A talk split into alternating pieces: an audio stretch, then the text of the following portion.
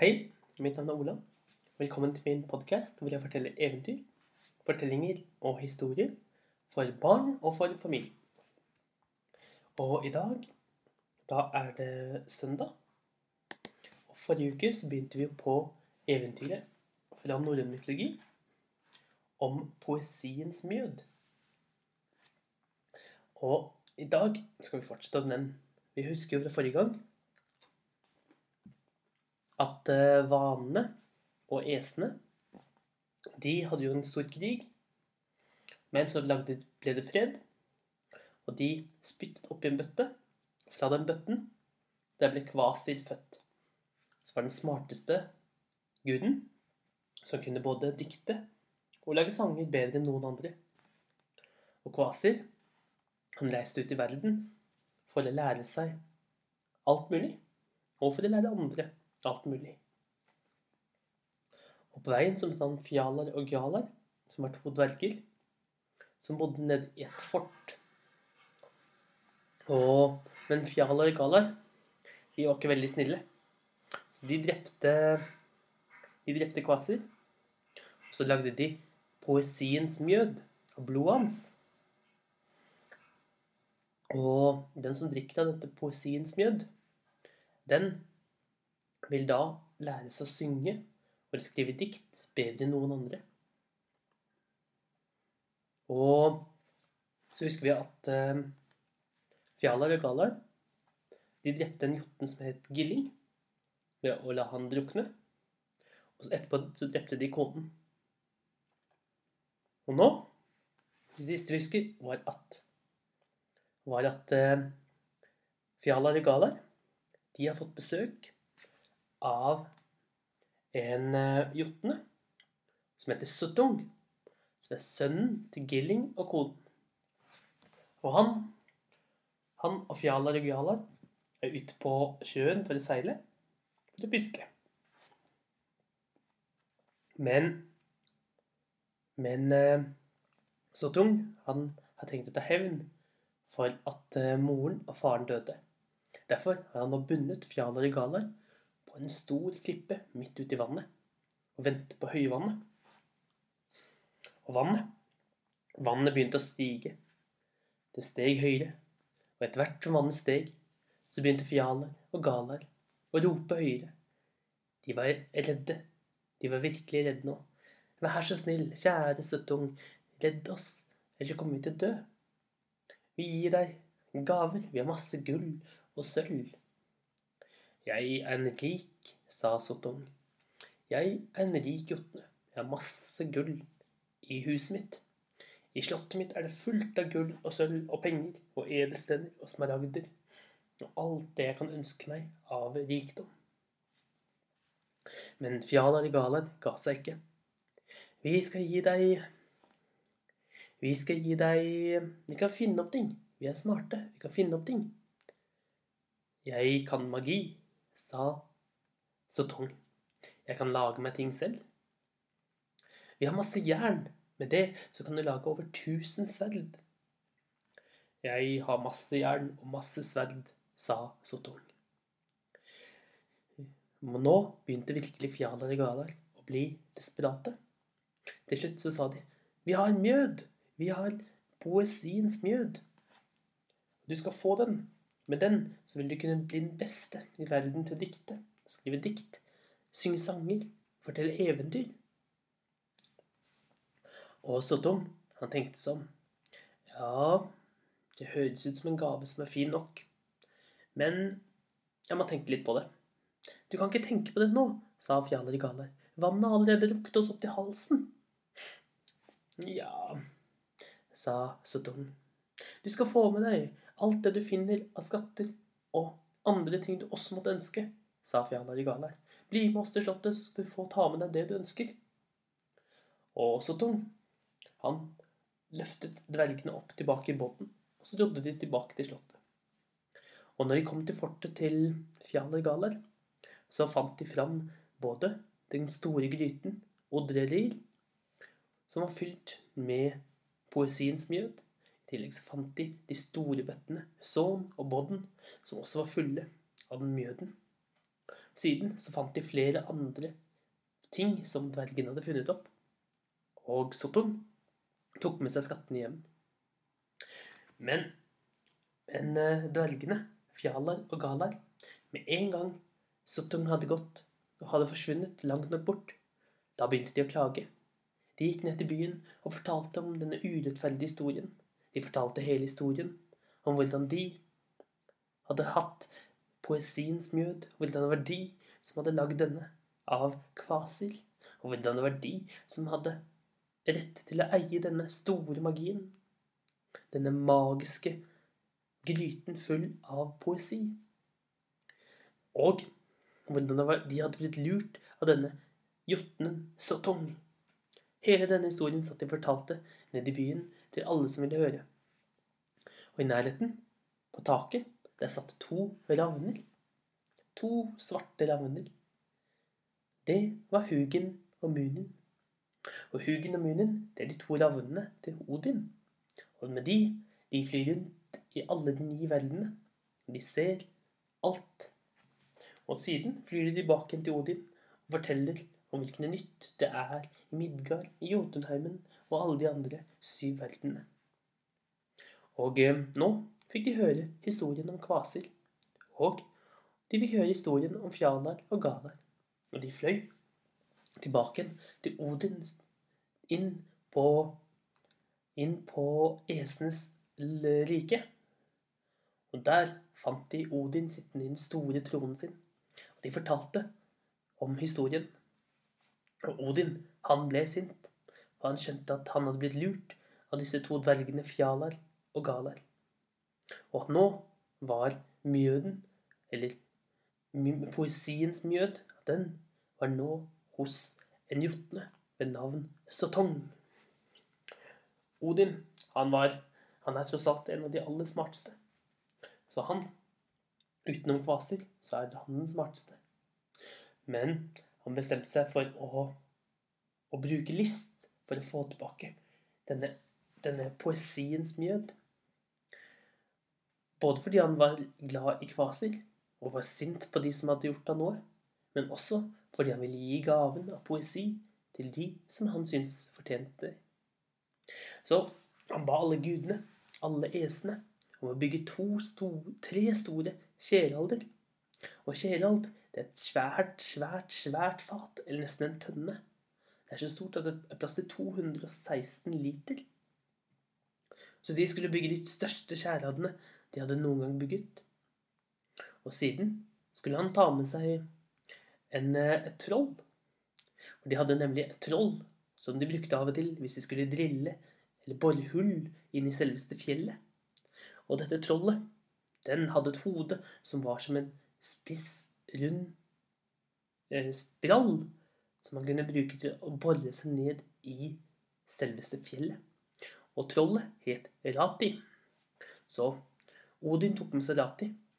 I tillegg tok han med seg en stor slipesten til å slipe sverd og kniver. Og så kledde han seg ut som en mann med navn Bolverk. Og Bolverk, han reiste av gårde til Jotunheimen. Men han dro ikke til, eh, til slottet til Setong. Og han dro heller ikke til det berget der hvor han visste at uh, Sotong hadde gjemt mjøden, nemlig i Nittberg. Nei, isteden dro han av gårde til Bauge.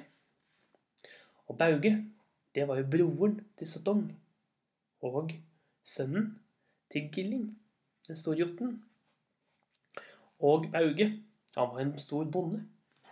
Han var en bonde av jotner. Han hadde mange, mange åkre fulle av korn, fulle av gress, som skulle hugges, kappes, til store høyballer når høsten kom, slik at eh, dyrene skulle ha nok mat gjennom vinteren. Og han hadde mange, mange hester og kuer og andre dyr. Men for å drive et så stor gård, så trengte han mange hjelpere mange tjenere. Og Bauge, han var kjent for å ha ni store kjemper som jobbet for seg. Og de kjempene, de kunne, hadde så store sigder til å kutte gresset med at de kunne kutte en hel åker på en eneste dag. Og, eh, og Odin, eller Bolverk som han nå kalte seg, reiste av gårde til denne Bauge sitt land. Der gikk han ut på åkeren, hvor han fant de ni kjempene. Og siden så satte han seg ned og så på at de arbeidet. De sto og kuttet gresset. Og når kvelden, var, når kvelden kom, så sa han til de Jeg har sittet og sett på dere her i dag. Hvorfor lar deres herre dere står her med sånne, sånne eh, sløve sigder? Jeg har aldri sett noen blader som er så lite skarpe. Og den ene hjorten sa, eller ene trollet sa, jeg skjønner ikke hva du snakker om. Våre sigder er de skarpeste som finnes. Ser du ikke hvor lett de kan skjære gjennom gresset? Ja, jeg har sittet og sett på det, sa bolverket. Men jeg er ikke veldig imponert. La meg vise dere hva en virkelig skarp sigd er. Og han tok fram slipesteinen sin og begynte å slipe sigdene til alle ni kjempene. Og etterpå så tok han den ene sigden og gikk bort til gresset, og den skar seg gjennom så lett, så lett som det ikke var noen ting i veien. Og jotnene fikk prøve, og de var mektig imponert. Gresset falt så lett, så lett, som om det skulle vært luft. Store, store trær kunne felles, som om det var å skjære gjennom smør. Så skarpe var de. De kunne til og med dele steinen i to. Og de ni kjempene, de var virkelig imponert. Og de spurte om de kunne få lov til å, å få denne slipestenen. Eller kanskje de kunne iallfall få kjøpe den. Og Bolverk lot som han tenkte seg godt om. Så sa han ja, vi skal lage en konkurranse. Men eh, da må alle sammen ta med seg ljåen sin. Og så går vi så nærme vi kan. Ja, de må gå nærmere. Nærmere, nærmere. Og alle ni kjempene sto der med den store ljåen sin i hånden. Og så nærmere og nærmere hverandre. Så sa den ene Nå kan vi ikke gå nærmere, for da hugger vi hverandre med disse sigdene. Da er det perfekt avstand, sa Bolverk. Og han sa Istedenfor at dere skal få kjøpe denne, denne slipesteinen av meg, så skal den av dere som fortjener den, få den. Jeg kaster den opp i luften, og den av dere som fanger den, den skal få lov til å beholde den. Og Odin, eller Bolverk, han kastet den store slipsteinen opp i luften, og den landet midt mellom kjempene. Og de, de glemte helt at de hadde en sigd i hånden. Og rett som det var, så døde alle ni kjempene fordi de ble kuttet av sigdene til naboen. Og så ventet, ventet Bolverk en dag før han gikk og fant Bauge. Han gikk og banket på og sa god dag. Jeg har reist langt, og eh, jeg lurte på om du trenger litt arbeid her fram til vinteren. For nå er det jo en første vårdagen, som du vet, og det er en lang sommer hvis du skal høste alt kornet ditt. Og Bauge sa du kommer virkelig i sannhetens time, for i dag, i dag mistet jeg alle mine ni kjemper. For de var så dumme at de kuttet hverandre. At nå ligger de alle døde, og ikke vet jeg hvorfor de har gjort det. Det var sørgelig, sa Bolverk.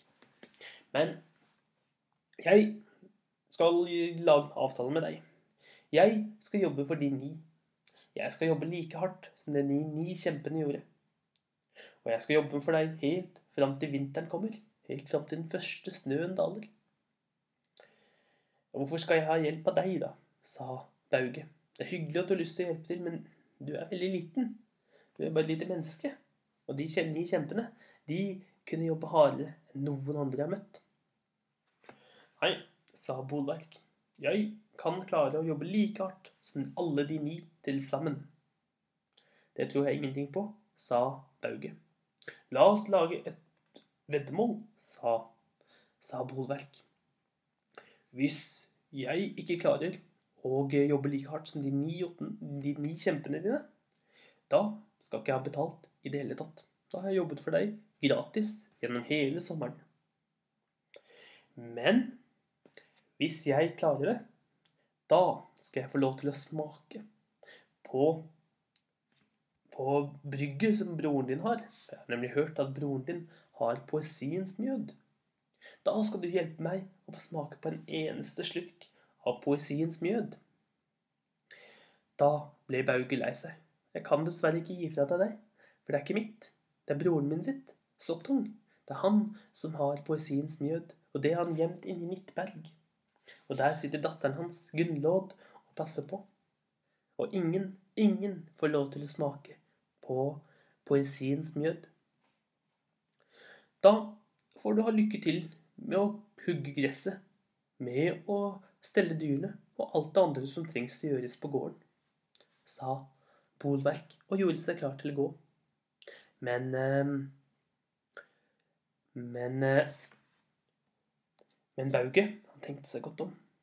Du, um, du kan Du vet hva? La oss lage en avtale istedenfor. Fordi det var mine foreldre også. Så jeg syns også at jeg fortjener en del av poesiens mjød. Så jeg skal bli med deg til min bror til Sottong når den første vinteren kommer. Og da, da skal vi sammen passe på at du får smake på poesiens mjød. For det var bare en liten slurk du skulle ha, var det ikke så?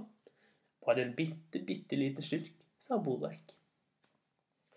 Og Odin, eller Bolverk, han sto og virkelig jobbet hardere enn ni menn. Ni kjemper. Han jobbet hardere enn 90.